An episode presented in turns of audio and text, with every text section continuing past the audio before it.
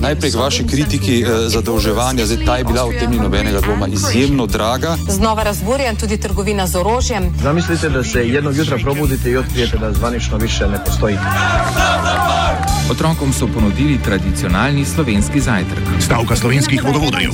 Za otoke gre. Rok 6 namreč nadomešča dotrajane proizvodne enote v termoelektrarni Šoštanj. Med vodah smo dobili še eno politično stranko. Otrokom so ponudili tradicionalni slovenski zajtrk.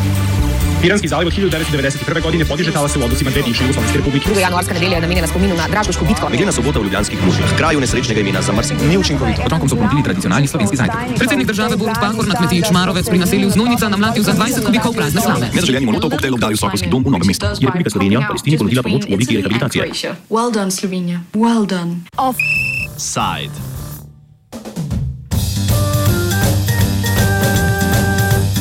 Novoletni varčevalni res v poklicno zavarovanje.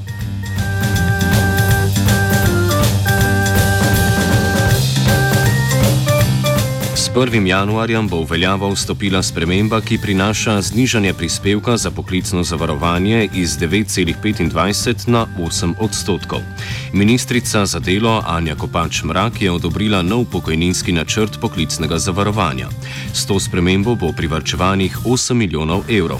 Približno polovico privrčevanih sredstev bo deležen proračun Republike Slovenije, druga polovica pa bo v korist zasebnemu sektorju.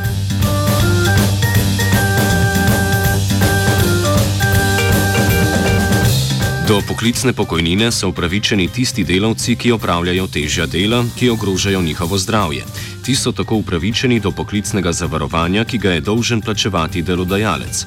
Poklicno pokojnino trenutno prejema 200 do 300 delavcev, kljub temu, da jih je do te upravičenih veliko več.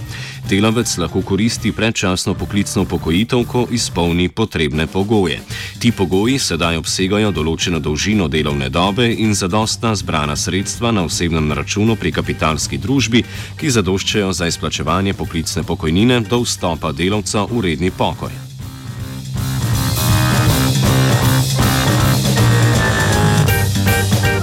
Igor Knez, direktor zakonodajne pravne službe Gospodarske zbornice Slovenije, nam našteje poklice, ki so upravičeni do poklicne pokojnine in pojasni sistem poklicne upokojitve.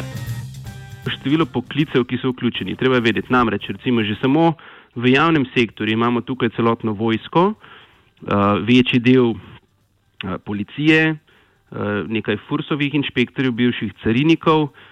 Uh, poleg tega so pa tu še vključene številne druge dejavnosti, predvsem uh, prevozništvo in vemo, koliko ljudi v prevozništvu je zaposlenih uh, v Sloveniji, ne? predvsem avtobusni prevozniki, seveda tovornjakari in tako naprej.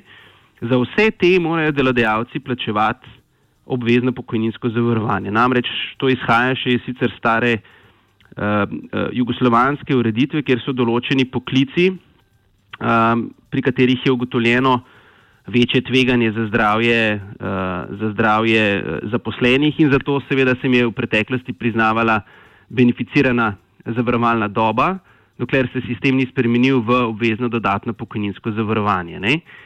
In seveda iz tega naslova delodajalci vplačujejo, zato da se te osebe lahko predčasno um, upokojijo oziroma predčasno prenehajo delati in se jim do izpolnitve pogojev za redno upokojitev izplačuje ta poseben dodatek, ne? ki se plača iz uh, iz te prispevne stopnje, o kateri danes govorimo. Ne.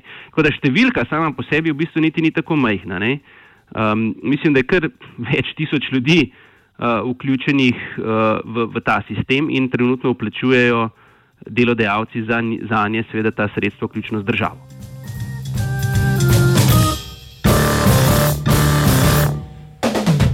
To pokojnino prejema okoli 200 oseb, zavarovanih delavcev pa je veliko več. Mnogo delavcev, ki so do poklicne pokojnine upravičeni, se za predčasno upokojitev ne odloči, saj mnogi izmed poklicev niso več tako nevarni kot nekoč.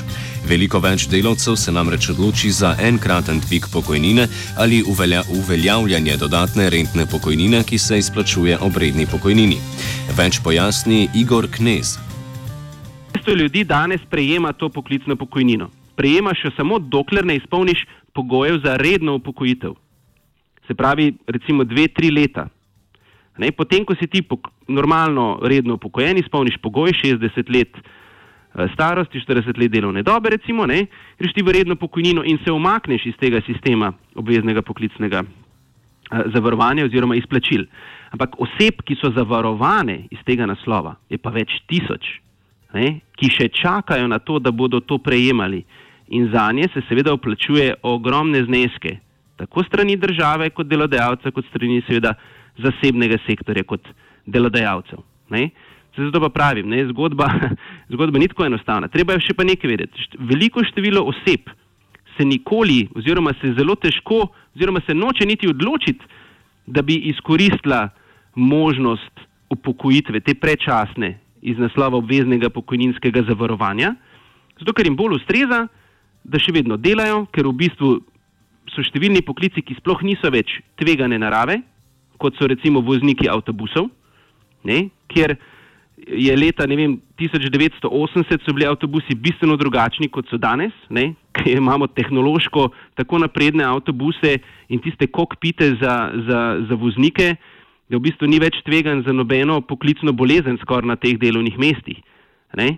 In zato bi v bistvu ti poklici sploh ne smeli biti vključeni v obvezno pokojninsko zavarovanje. Zato, ker se ti vozniki dejansko nimajo nobenih zdravstvenih težav ne, in za nje se sam nekaj plačuje, oni pa dejansko si niti ne želijo te možnosti izkoristiti. Bolje je, da delodajalci še vedno za nje plačujejo, ker potem bodo ta sredstva, ko bodo redno upokojeni, lahko prejemali poleg redne pokojnine. Sprememba prispevne stopnje pa odpira vprašanje različnih stopenj tveganja, s katerim se srečujejo zaposleni pri različnih poklicih. Sindikat policistov dveletni rok znižanja prispevne stopnje za poklicno zavarovanje razume kot poskus revizije delovnih mest, ki so upravičena do poklicnega zavarovanja. Več o tem pove Kristjan Mlekuš, sindikata policistov Slovenije.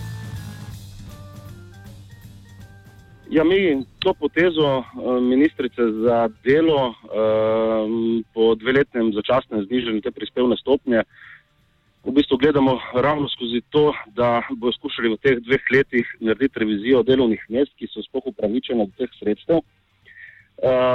Res je, da se oni sklicujejo, oziroma delodajalska stran se sklicuje na to, da niso vsi poklici več do tega upravičeni zaradi tehnološkega in drugega napredka, vendar je tle zelo pomembno tudi varovanje uh, kariernih poti teh poklicov, ki so dejansko uh, težki, uh, zdravi, škodljivi ali pa v katerem določeni starosti sploh ni mogoče več upravljati. Uh, recimo, če lahko povemo samo za policiste, ne, mi zagovarjamo, da bi bile različne prispevne stopnje uh, in sicer najviše za tiste uh, policiste, ki so najbolj ogroženi, se pravi, za primer policisti specialne enote, uh, mobilnih kriminalističnih oddelkov in druge. Uh, in potem uh, so razmerno znižana, uh, glede na pač karierne poti za policiste, uh, pomočnike, komandirjev, komandirjev, inšpektorjev, vse do državnega nivoja organiziranosti policije.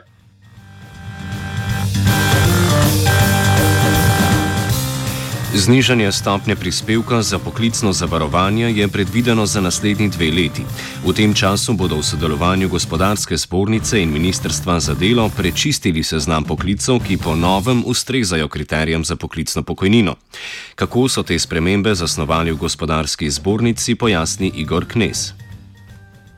In zato si na gospodarski zbornici Slovenije že več let prizadevamo in imamo zagotovila tudi že več let strani Ministrstva za delo, da se bo prečistil seznam teh reguliranih poklicev, ki so vključeni v obvezno dodatno pokojninsko zavarovanje.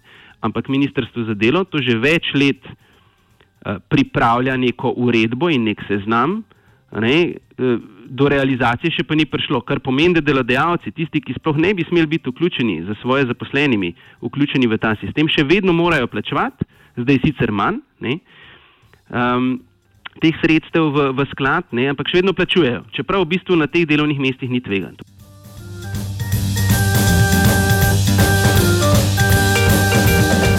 Kristjan Mlekuš izpostavi, da mnogokrat delavci, predvsem v policiji, ne dosežejo pogojev za starostno upokojitev, zato je možnost poklicne upokojitve glede na trenutne razmere za policiste ključnega pomena po pokojninskem načrtu so pač uh, določene tudi različne starosti, kdaj lahko gre nekdo v pokojnino. Ne? Se pravi, kdaj lahko doseže uh, pogoje za poklicno pokojnino. In uh, to pomeni, da recimo, če govorimo za policista, ne,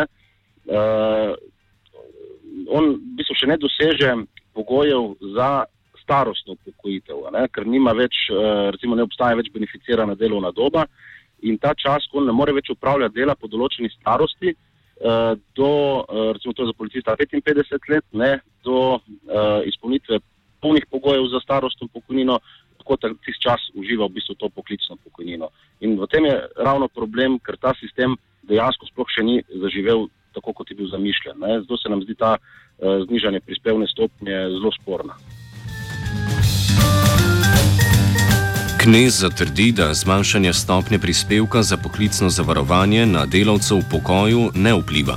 Delavci namreč dobivajo pokojnine v višini, ki jo določa zakon. Zaradi tega, ker se oplačuje višina prispevka, oni ne dobijo zaradi tega nič več. Ta denar ostaja na kadu. Zato, ker zakon določa, kakšna je njihova pravica in črpanje zbranih sredstev na njihovem računu. A veste, oni dobijo točno toliko, kot je zakon to določil, in točno toliko je to, kolikor bi načeloma prejemali neke, neke osnovne, osnovne pokojnine, glede na njihovo plačo. Ne? Nič ni drugače za nje. Ne? V osnovi je pa res, seveda, da je za nje bistvena razlika, ali gredo v ta prečasni, v navednicah, uh, v to poklicno upokojitev, ne, glede na plačo, ki jo prejemajo, če delo upravljajo naprej. In zato se velika večina ne odloči iti v poklicno pokojnino.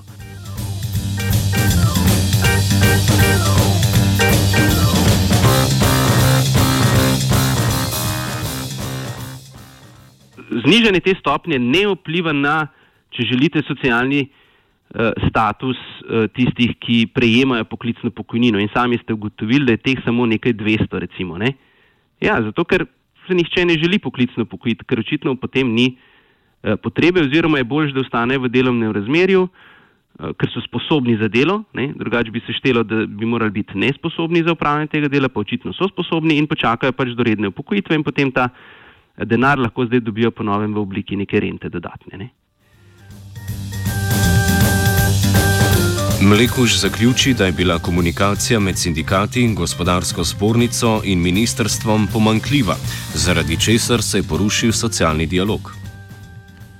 Najbolj sporno v celi zgodbi je to, da je ministrica za delo uh, to znižanje uh, upravila enostransko, uh, kljub nasprotovanju socialnih partnerjev, tako na ekonomsko-socialnem svetu, kot v odboru. Ehm, na kapitalski družbi, oziroma tako imenovano ProDPZ. Uh, kolikor je nam znano, je tudi uh, kapitalska družba nasprotovala temu znižanju in zato se nam zdi ta uh, poteza uh, zelo enostranska in v bistvu čist je porušila socialni dialog med sindikati in pa delodajalci.